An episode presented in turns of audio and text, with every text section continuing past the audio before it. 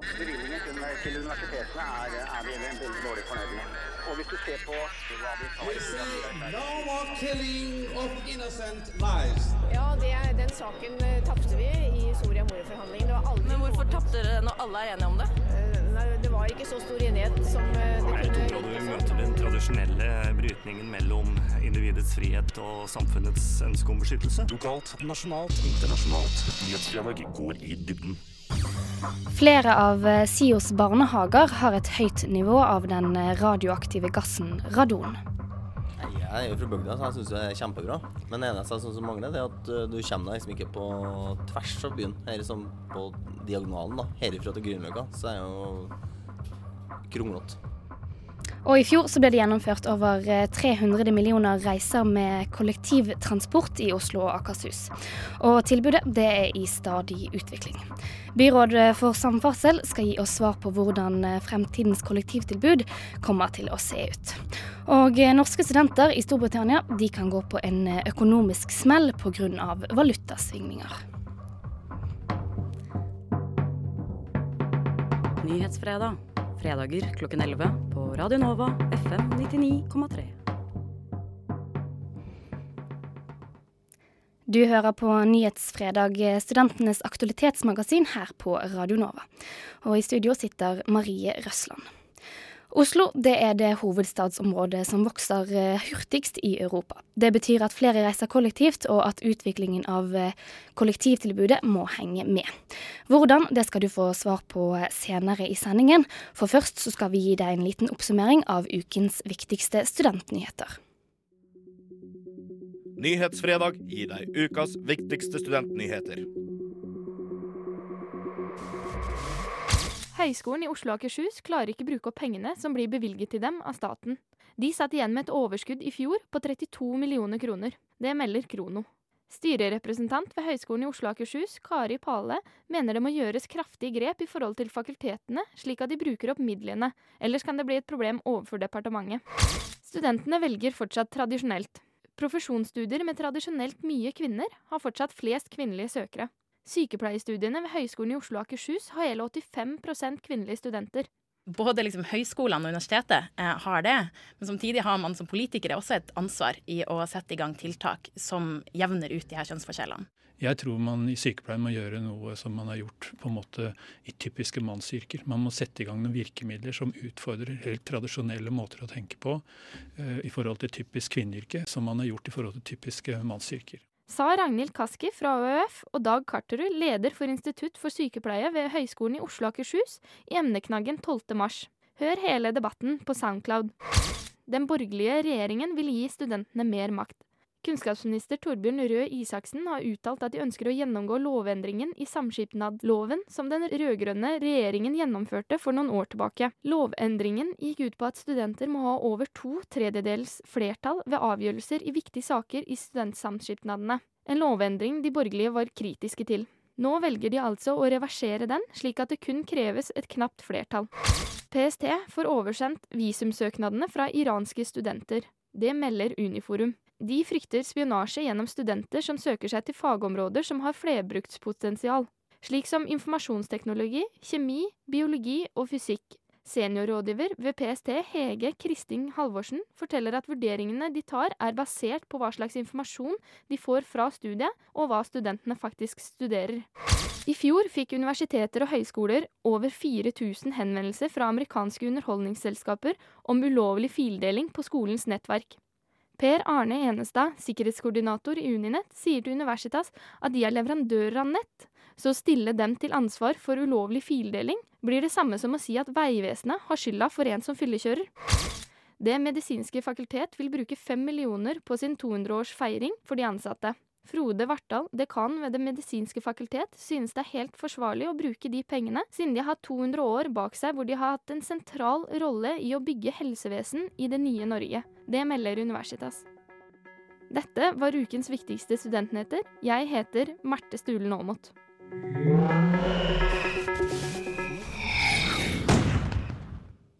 Vi skal eh, senere i sendingen eh, få vite mer om aktualitetsuka på Universitetet i Oslo, som eh, går av neste uke. Hvor studentene de skal få utfordre både Erna Solberg og Jens Stoltenberg. Men før den tid så skal vi til hovedstadsområdets kollektivtilbud. What? Radio Nova.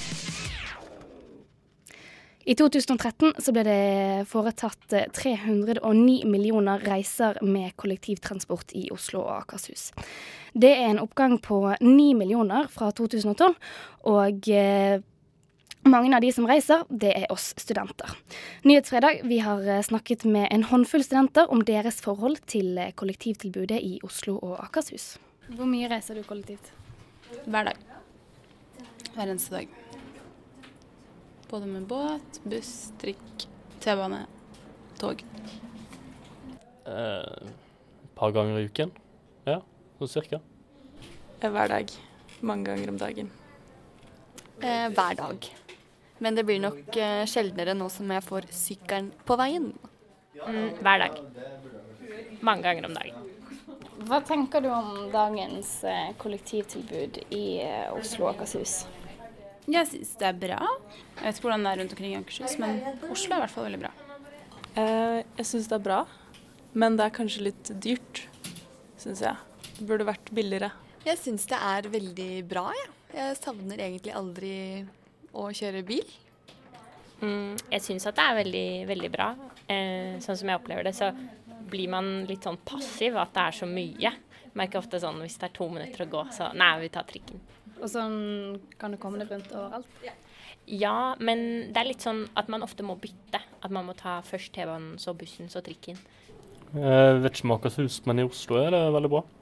Jeg syns det egentlig er helt greit, jeg. Men jeg kommer jo fra det er et sted hvor det ikke er så mye bra, så godt vant, da. Hvor er det? Ringsaker. Nes. Nei, Jeg er jo fra bygda, så jeg syns det er kjempebra. Men det eneste som mangler, det er at uh, du kommer deg liksom ikke på tvers av byen. Her liksom på diagonalen, da. Herifra til Grünerløkka, så er det jo kronglete. Er det noe du savner? Det kan nok bli enda bedre rundt omkring i kommunene rundt Oslo. F.eks. jeg er fra Nesodden, og der er det veldig, veldig dårlig. Der går bussen en gang i timen. Eh, ja, men det er noen ting som kunne vært bedre. Sånn eh, Sankthanshaugen, Majorstua, Grünerløkka. Det er vanskelig å komme seg mellom de tre stedene, syns jeg.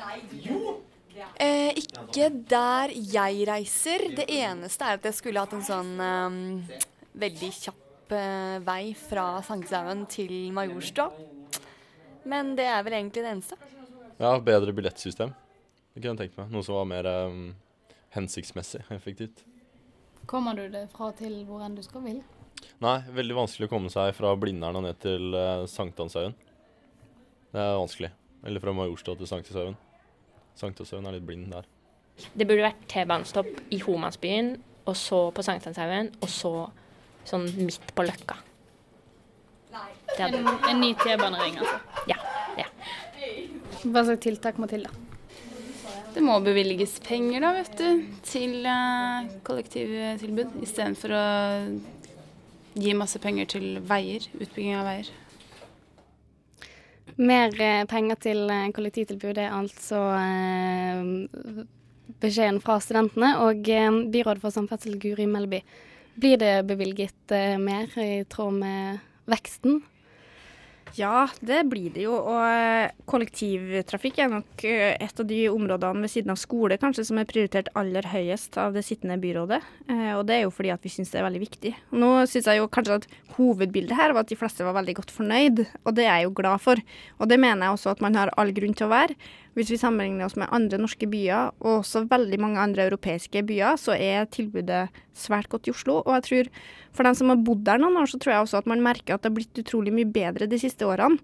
Eh, nå er det nesten aldri behov for å ta fram en rutetabell lenger, f.eks. For, eksempel, for å sjekke og så finne ut at et kvarter til neste trikk går. For jeg opplever veldig mange at det går med sånn to-tre minutters uh, ventetid, så du trenger egentlig ikke å planlegge reisene dine i det hele tatt. Det er bare å gå ut, kanskje sjekke appen, og så er du på en T-bane eller en buss eller, eller, en trikk. Og jeg tror det er faktisk det viktigste, at det er enkelt, at, du, at det krever lite planlegging fra folk.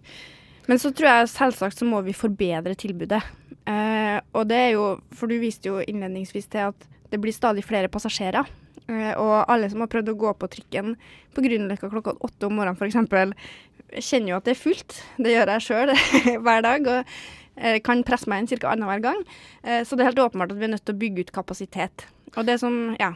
Men sånn som det blir påpekt her, da, at mellom f.eks. Grünerløkka og Majorstuen og Sankthanshaugen i midten, så er det veldig vanskelig å komme seg til og fra. Det har jo vært snakk om en ny T-banering osv. Hvordan ser det ut i fremtiden?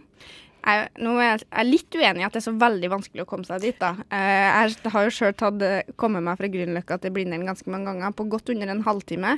Eh, og det er også gangavstand mellom mange av disse stedene, men det er helt åpenbart at hadde vi greid å få en T-banering som hadde hatt stopp på Bislett, Grünerløkka og sånn, så er det klart at det har blitt mye bedre tverrforbindelse. Og det er også noe vi jobber med.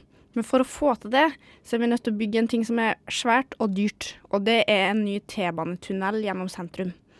Eh, og det driver vi på med et såkalt konseptvalgutredning for, som skal være ferdig i 2015, altså neste år. Eh, så da får vi utreda hvor stort dette behovet er, og hvordan vi kan få realisert en sånn tunnel. Og så er jobben min å prøve å få det inn i sånne nasjonale transportplaner fra 2017 og utover, sånn at vi kan få begynt å få penger til det.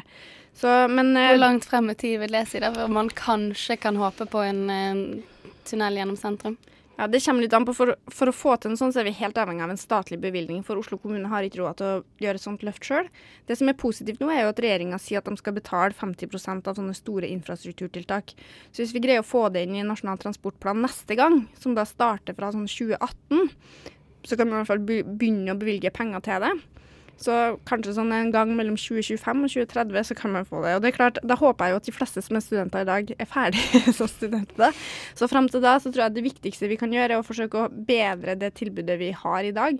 Bedre trikken, bedre komforten på T-banen. Sørge for at busser og alt er pålitelig, og at det kommer i tide. Prisen er noe som påpeker her. Mm. Er den høy? Sånn som du ser det? Jeg, jeg mener at sånn relativt sett så er ikke det, men i, eh, med en studentøkonomi så eh, hver eneste tier eller femtilapp betyr noen ting, så det skjønner jeg veldig godt. Og derfor har jeg også prioritert at vi forsøker å holde prisene ned. Og det er viktig å huske på at i 2007 så kosta det mer for et månedskort enn det gjør i dag. Så vi har faktisk skrudd ned prisene.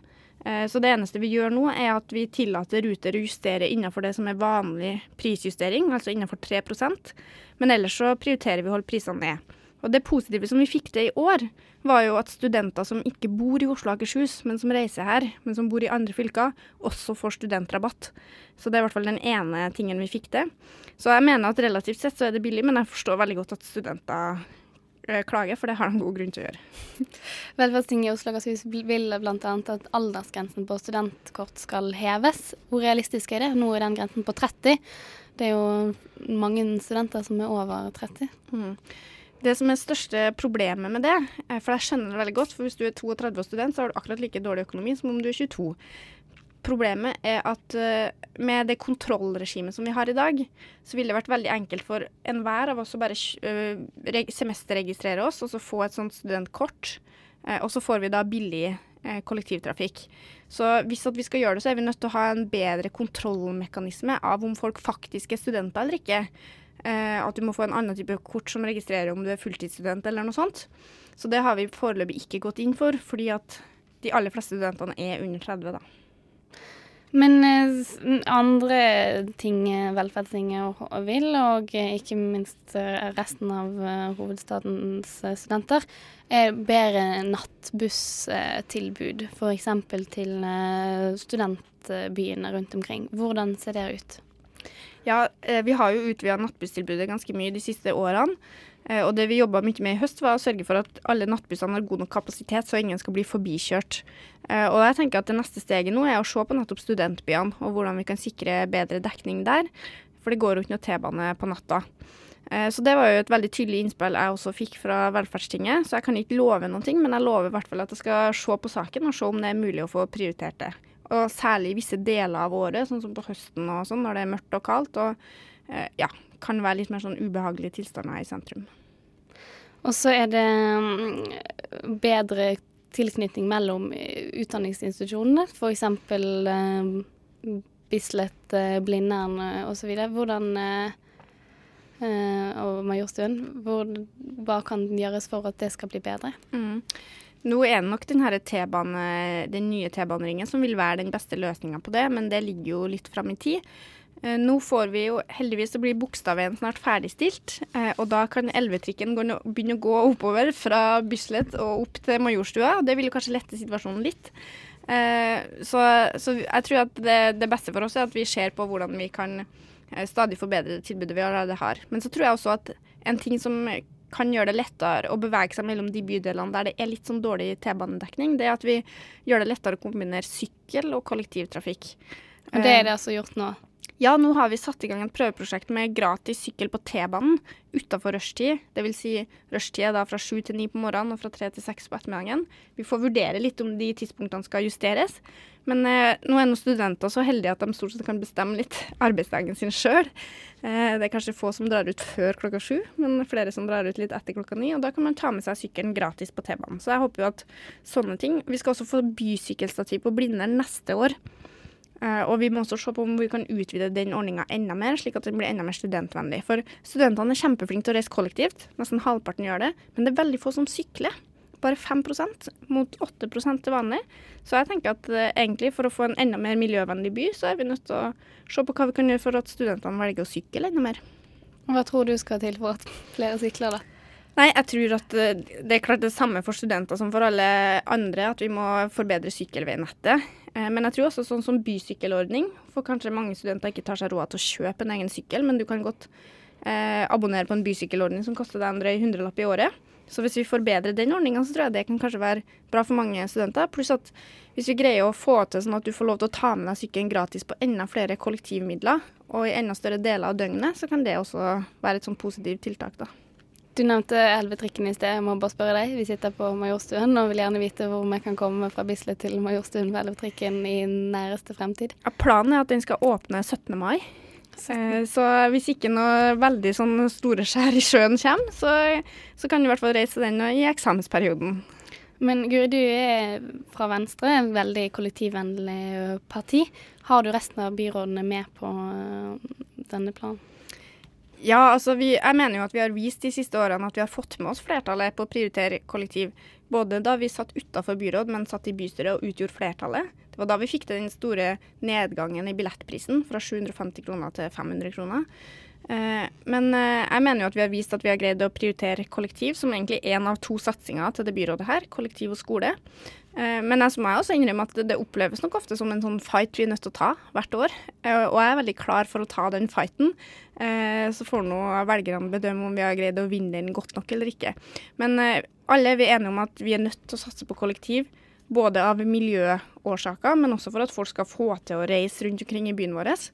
Og det siste poenget er jo at det finnes jo ikke noe plass til å bygge oss ut av utfordringer med veier. Det er helt umulig. Da må vi bygge mangefeltsveier overalt i hele byen, og det er det ingen som har lyst til. Så den mest effektive måten å greie å takle befolkningsveksten og greie å bli enda mer miljøvennlig, det er jo å satse på kollektiv. Guri Melby skal fighte for kollektiv. eh, Byråd for samferdsel i eh, Oslo kommune. Takk for at du kom.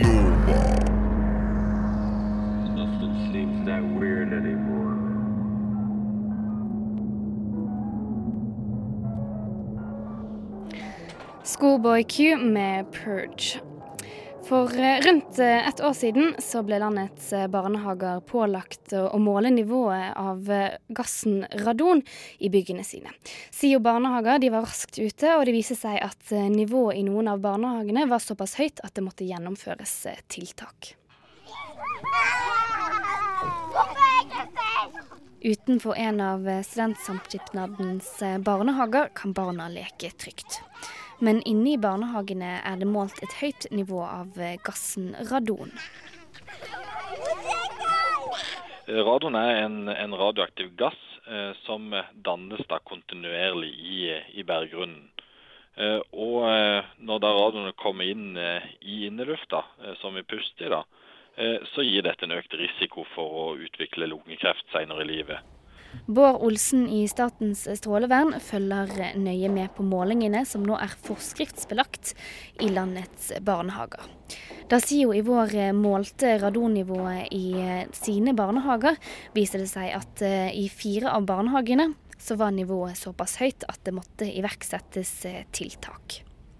Eh, tiltak i første omgang var, var kontinuerlig ventilasjon og enda en ny måling som vi fikk svar på i går, faktisk. Det forteller eh, Dordi Sylte, leder av SIO barnehager. En av eh, barnehagene var oppe i et nivå på 160 becquerel per kubikkmeter. Noe som er godt over grensen på 100, hvor det kreves at det gjøres tiltak. Eh, Den målinga viste inntil 209 becquerel per kvadratmeter. Eh, altså det tyder jo i alle fall på at det er noe radoninnstrømning i dette bygget eh, som en bør vurdere og, og eh, hva slags tiltak som, som best kan gjøres for å få dette ned til så lavt som det er praktisk mulig å få til. SIO barnehager setter derfor i gang nye tiltak for å få ned dette nivået. Og på bakgrunn av det, så, og i samråd med rådgivere, så er det beslutta å sette i gang døgnkontinuerlig ventilasjon. Det er på kort sikt, samtidig så det vil eh, bli overvåka kontinuerlig. På eh, litt lengre sikt så er det sånn at den barnehagen skal pusses opp. Så nå er vi i prosjekteringsfasen, og det skal starte nå til høsten. Og i dag har vi òg hatt kontakt med Statens strålevern, som eh, har sagt seg fornøyd med, med tiltakene på kort sikt og på lang sikt. Statens eh, strålevern har ingen eh, maksgrense på hva som skal til for at en barnehage legges ned. Men eh, Bård Olsen understreker at nivået av radongass skal være lavest mulig. Altså, som, som nevnt så er da risikoen her eh, lineært eh, sammenhengende med radionivået. Eh, sånn at jo høyere det er, desto høyere blir, blir risikoen. Eh, og akkurat hvor den grensa går for, for når eh, f.eks. en barnehage eh, må stenge, da, er, altså det er ikke gitt noen noen grense der, for det går ut fra hvor lenge en oppholder seg eh, ved, dette, ved dette nivået. da. SIO barnehagelederen mener likevel at det ikke er grunn til bekymring for de mange studentforeldrene. Nei, ifølge Statens strålevern og i forhold til de strakstiltakene vi har nå, så trenger vi ikke å være det. Så det trenger ikke være noen bekymrede studentforeldre? Nei, absolutt ikke. Så selv om eh, nivået altså er litt høyt, så er det ingen eh, grunn for, eh, til bekymring. Eh, Vi skal eh, snart til Storbritannia, hvor eh, studentene frykter at de må bedrive valutaspekulasjoner her i Nyhetsfredag på Radio Nova. Radio Nova FM 99,3 og radionova.no. Svømmebasseng med transitt her i Nyhetsfredag på Radio Nova. Da ANSA-leder Vibeke Munthe-Kaas studerte i Australia, måtte hun ut med 10 000 kroner ekstra i skolepenger pga. valutasvingninger. Nå er situasjonen den samme for norske studenter i Storbritannia. Og med oss på telefon så har vi president i ANSA, Vibeke Munthe-Kaas. Og hva er det som skjer i Storbritannia nå? Du, det som skjer i Storbritannia nå, er at eh, kursen har styrket seg såpass at eh, det stipendet de studentene egentlig får til å dekke skolepenger, strekker ikke til. Da blir de nødt til å ta av det som er basisstøtten, som de egentlig skal leve for, for å dekke resten av skolepengene. Hvorfor eh, strekker ikke da stipendet til? Lånekassen har et system som er at de justerer valutaen på det skolepengestipendet én gang i året. Og det er jo klart at uh, i vårt, uh, vår tid så svinger det mye oftere enn det. Og det som har skjedd nå er at når det ble justert da i fjor, så var det på 8,6, og nå har det vært helt opp i 10. Og det er klart at da har jo den uh, altså summen studenten skulle få, blitt beregnet ut fra en kurs som ikke gjelder lenger. Og da sitter de igjen og går i tap, da. Hvor mye penger er det snakk om? Det varierer helt med tanke på hvor mye studentene betaler i skolepenger. Jeg kan jo se på mitt eget eksempel fra når jeg var i Australia. Var det en liten svingning på 0,8, men det gjorde at jeg måtte ut med 10 000 av mine egne kroner da, for å dekke skolepengene.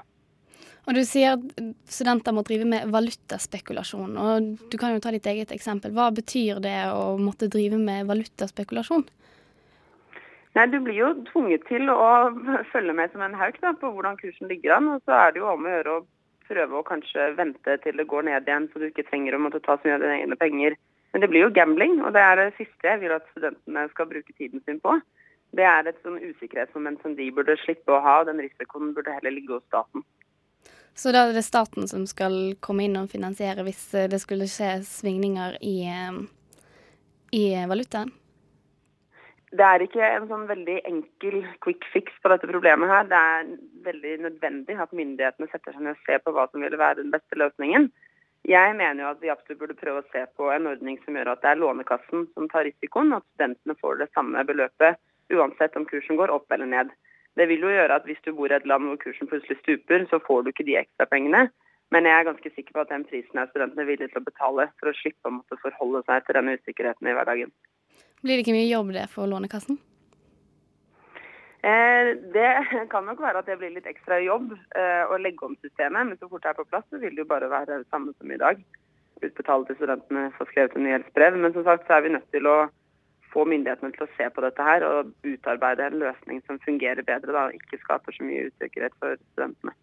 Men du nevnte eksempelet ditt fra Australia, også nå i Storbritannia. Er det et veldig omfattende problem, da? Ja, jeg syns det er altfor omfattende, for å si det sånn. Det er jo klart at det er vesentlig større i de landene hvor det er høye skolepengeavgifter, sånn som Australia og Storbritannia og USA og sånn. Men det skjer år etter år. Altså Det er tre år siden jeg satt i Australia. I fjor var det studentene i USA, og nå er det i Storbritannia. Og jeg får så fortvilede telefoner og mailer fra studentene som ikke vet hva de skal gjøre. Og den situasjonen må vi få en slutt på. da. Det må være mer stabilitet i systemet, sånn at det ikke går utover studentenes eh, hverdag når de er ute i utlandet og studerer. Hva slags melding vil du gi politikerne politikerne? Egentlig bare lyst til å si at eh, la oss ta tak i dette her, og la oss gjøre det nå. Og finne en ordning som er til det beste for studentene. For det er tross alt de det handler om her. Og vi har dessverre ikke uh, staten til å svare for seg her, men uh, takk til deg, president i ANSA, Vibeke Munthe Kaas. Radio Nova, FM 99,3 og radionova.no. Nyhetsuka på Studentradioen i Bergen de lager frem mot 17. mai en serie om Grunnloven. Og nå er vi kommet til andre episode, hvor vi tar for oss språket i Grunnloven og i norsk språkdebatt.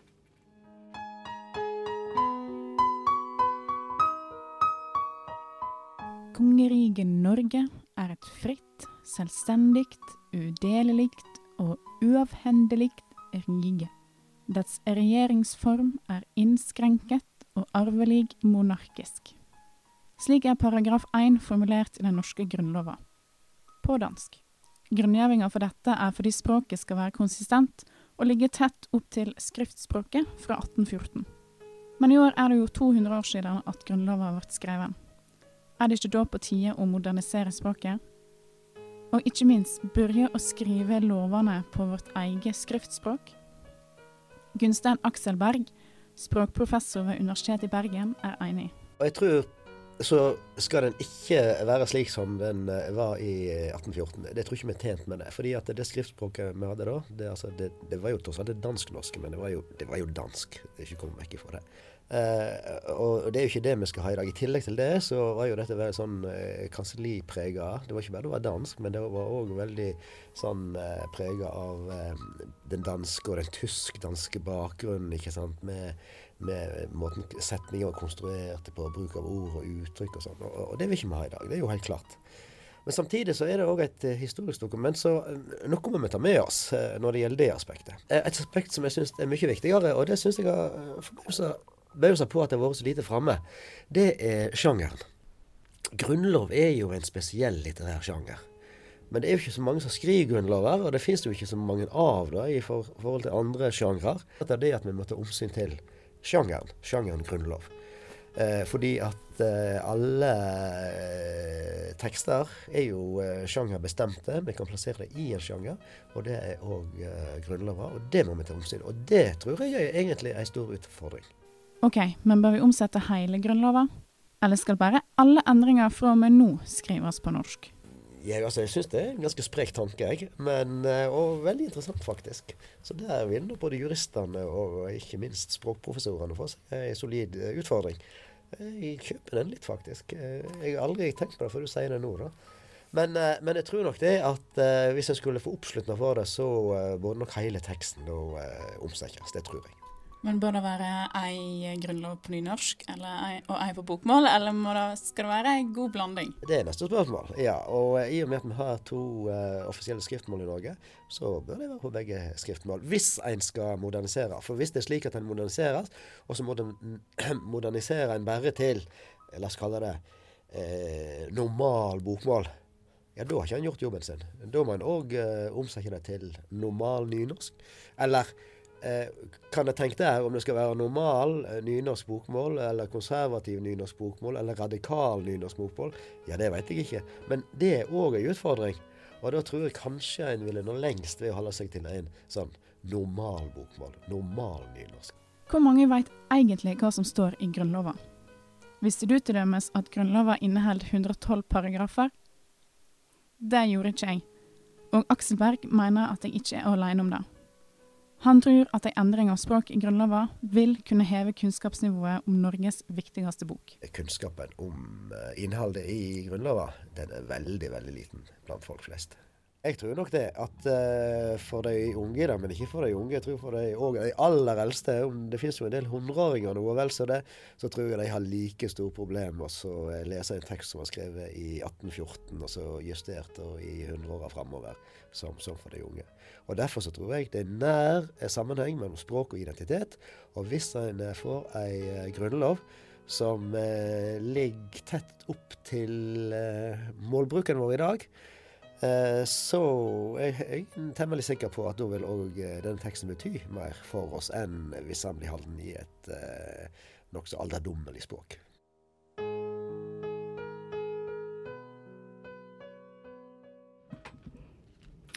Reporter her det var Cecilie Bredhaug Rysjedal fra Studentradioen i Bergen.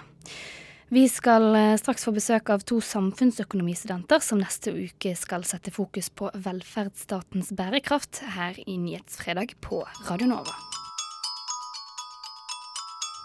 Du lytter til Radio Nova på FM 99,3.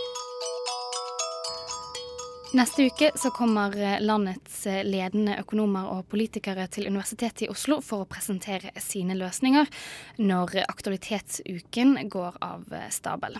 Tema det er velferdsstatens bærekraft, og den arrangeres av samfunnsøkonomistudenter. Og Jon Ellingsen, du leder denne aktualitetsuken, og hva er det egentlig det går ut på? Ja, eh, Aktualitetsuka er som du sa drevet av eh, samfunnsøkonomistudenter på Blindern, og årets tema er da velferdsstatens bærekraft. Eh, vi kan by på korte, inspirerende eh, foredrag fra de fremste innenfor både forskning, næringsliv og eh, politikk. Så målet til Aktualitetsuka er på en måte at vi skal løfte blikket fra pensumbøkene og se hvordan økonomi kan brukes i den politiske debatten. Det er ikke første året denne aktualitetsuken blir gjennomført. Eh, hvor mange sånne uker har det vært tidligere? Eh, jeg er litt usikker på akkurat hvor mange som har vært, men uh, i fjor så startet vi på en måte et nytt konsept hvor vi går litt etter uh, et konsept som heter TED Talks. Som da er at man har mange, men ganske korte slags appeller fra folk som driver med forskning. Hvorfor frem, eller, velferdsstatens bærekraft? Ja, det er fordi vi tror at velferdsstatens bærekraft er det mest dagsaktuelle temaet i eh, dag. Eh, og det angår vår generasjon. Eh, vi står med en befolkning som eldes, og et norsk eh, oljeeventyr som har nådd toppen. Så derfor tror vi at vi økonomer kan si mye om eh, hvordan dette kan takles i fremtiden. Du nevner eh, politisk politikere og økonomer. Hva slags folk mer konkret er det som kommer til Universitetet i Oslo neste uke? Ja, vi har uh, både professorer, vi har konsulenter. Uh, vi har uh, De to største navnene vi har, er Jens Stoltenberg, tidligere statsminister, og dagens statsminister Erna Solberg. så vi kommer til å ha fagfolk som begynner dagen. Da er det f.eks. professor Hilde Bjørnland fra um, Handelshøyskolen BI, og så har vi Knut Anton Mork, som er sjeføkonom, som skal gi oss litt det makrobildet. Så har vi forsker innenfor arbeidslivsøkonomi, Knut Rød. Og så kommer da Erna Solberg og Jens Stoltenberg til å være, komme hver sin dag, henholdsvis tirsdag og onsdag, og da gi sine svar på tiltale. Og eh, det er jo Det skal liksom åpne for at studentene skal kunne stille spørsmål til eh, henholdsvis statsminister og tidligere statsminister. Hva, hva er det de skal snakke med disse om? Eh, vi tenker at eh, fagfolkene kommer for å både skissere hvorfor dette er en utfordring, eh, og eventuelle tiltak som kan gjøres. Og så er det sånn at eh, politikere ofte stiller i arenaer hvor det kun er politikere, og, og hvor man ofte kanskje snakker uten å egentlig gi noen konkrete løsninger. Eh, Så vi håper at eh, både våre studenter og studenter fra andre institusjoner og tenketanker og medier vil stille opp og, og be de faktisk gi noen konkrete tiltak på hvordan f.eks. vi skal få flere i arbeid. Noe nytt i år det er at denne aktualitetsuken kommer utenom en ferie, fordi dere har fått eh, forelesningsfri en hel uke til å delta Ja. på dette. Hvorfor har dere i år fått fri for å gjøre dette? Først og fremst så har, det vært, eh, så har det vært veldig viktig for oss å se på hva vi kan gjøre bedre for å trekke folk. fordi i fjor hadde vi et eh, godt program, men eh, vi, klarte, vi lykkes ikke med å trekke nok folk. Så det vi gjorde, var at vi gikk til, til instituttadministrasjonen. og så gjennom de fikk vi til å legge en undervisningsfri uke akkurat der vi ville ha det. Og det var egentlig ganske problemfritt. Og eh, hvem er det som kan komme på, dette, på denne aktivitetsuken? Det er absolutt eh, alle som har en eh, dose med samfunnsengasjement. Og det har definitivt du. Det har definitivt jeg. Takk for at du kom til oss i Nyhetsfredag. Jon Ellingsen, som da leder Aktualitetsuken, som går av stabel eh, 18. til eh, 20. mars på Universitetet i Oslo neste uke. Heart Revolution med låta 'Kiss'. Nå skal eh, du som alltid få eh, vår redaktør eh, Erlend Buflaten sin meninger. Og denne uken så erger han seg over lønnsjaget. Er det ikke deilig å kunne utdanne seg etter interesse, og ikke fremtidig lønnssjekk? Om du sier noe annet enn ja, ja, da syns jeg du har store problemer, men det er ok. Alle problemer kan løses. Men tilbake til det jeg ønsker å snakke om, nemlig lønnsjaget. Fra jeg var liten fikk jeg alltid høre at det er viktig å ha god lønn. Det er viktig å like det man gjør, men det er viktig å ha en lønn som er høy nok til at man kan ha det greit. Da vil man jo også kunne gjøre mer av det man liker. Det er godt ment. Økonomisk usikkerhet kan gjøre deg syk. I beste fall kan det gjøre deg ulykkelig. Denne følelsen har foreldre kjent på når de skal gi råd til sine egne, og da er det også ganske naturlig at de ikke ønsker at noen andre skal havne i samme situasjon. Men dagens studenter bryr seg ikke om lønn. Eller å si at studenter og andre unge ikke tenker på lønn, det er naivt. Alle, uansett alder, tenker på lønn, penger og regninger. Absolutt hele tiden. Det jeg imidlertid ser en endring, er at unge i dag ikke bekymrer seg i like stor grad for økonomi som det virker som de gjorde for noen generasjoner siden. Med lav arbeidsledighet og lav rente og et hav av utdanningsmuligheter kan man utforske interessene sine via studier og jobbe med dem resten av livet om man er heldig.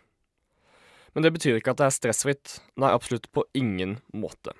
Stressmomentet kommer ikke fra faren om lav lønn, men etter relevant arbeid. Man må i dag skille seg ut fra mengden, og man må vise at man kan mer enn det masterbeviset ditt forteller. Men det er greit. Vervene man tar på seg og alt frilansarbeidet du gjør, gjøres så du kan fortsette å jobbe med det du liker å gjøre. Ikke for å få en inntekt som gjør det mulig å dra til Malaysia en gang i året. Noen frykter at de unge i dag vil ha så lav pensjon at de ikke vil klare seg når de blir eldre.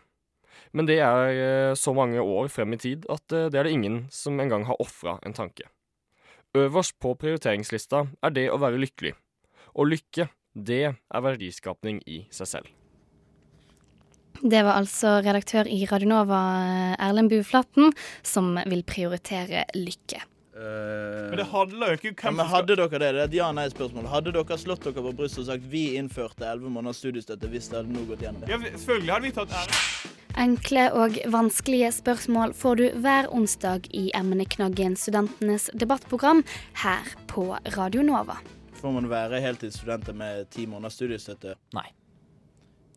Emneknaggen hører du altså onsdager klokken 17.30 her på kanalen. Det blir eh, det neste du hører eh, fra oss i Studentnyhetene, for eh, Nyhetsfredag går mot slutten. Men du finner oss som alltid på Soundcloud, Facebook og Twitter. Bidragsytere til denne sendingen har vært Adrian Nyhammer Olsen og Marte Sulen Aamodt, og tekniker hun heter Ida Brenna. Jeg har lyst til å benytte muligheten til å minne om eh, et eh, kickoff-arrangement i morgen kveld. For eh, Radionova blir 32 år, og i den forbindelse så skal vi feire oss selv med resten av hovedstadens innbyggere. Det skjer her på Studentersamfunnet i biblioteket. Mitt navn det er Marie Røsland, og jeg takker for at du hørte på i dag.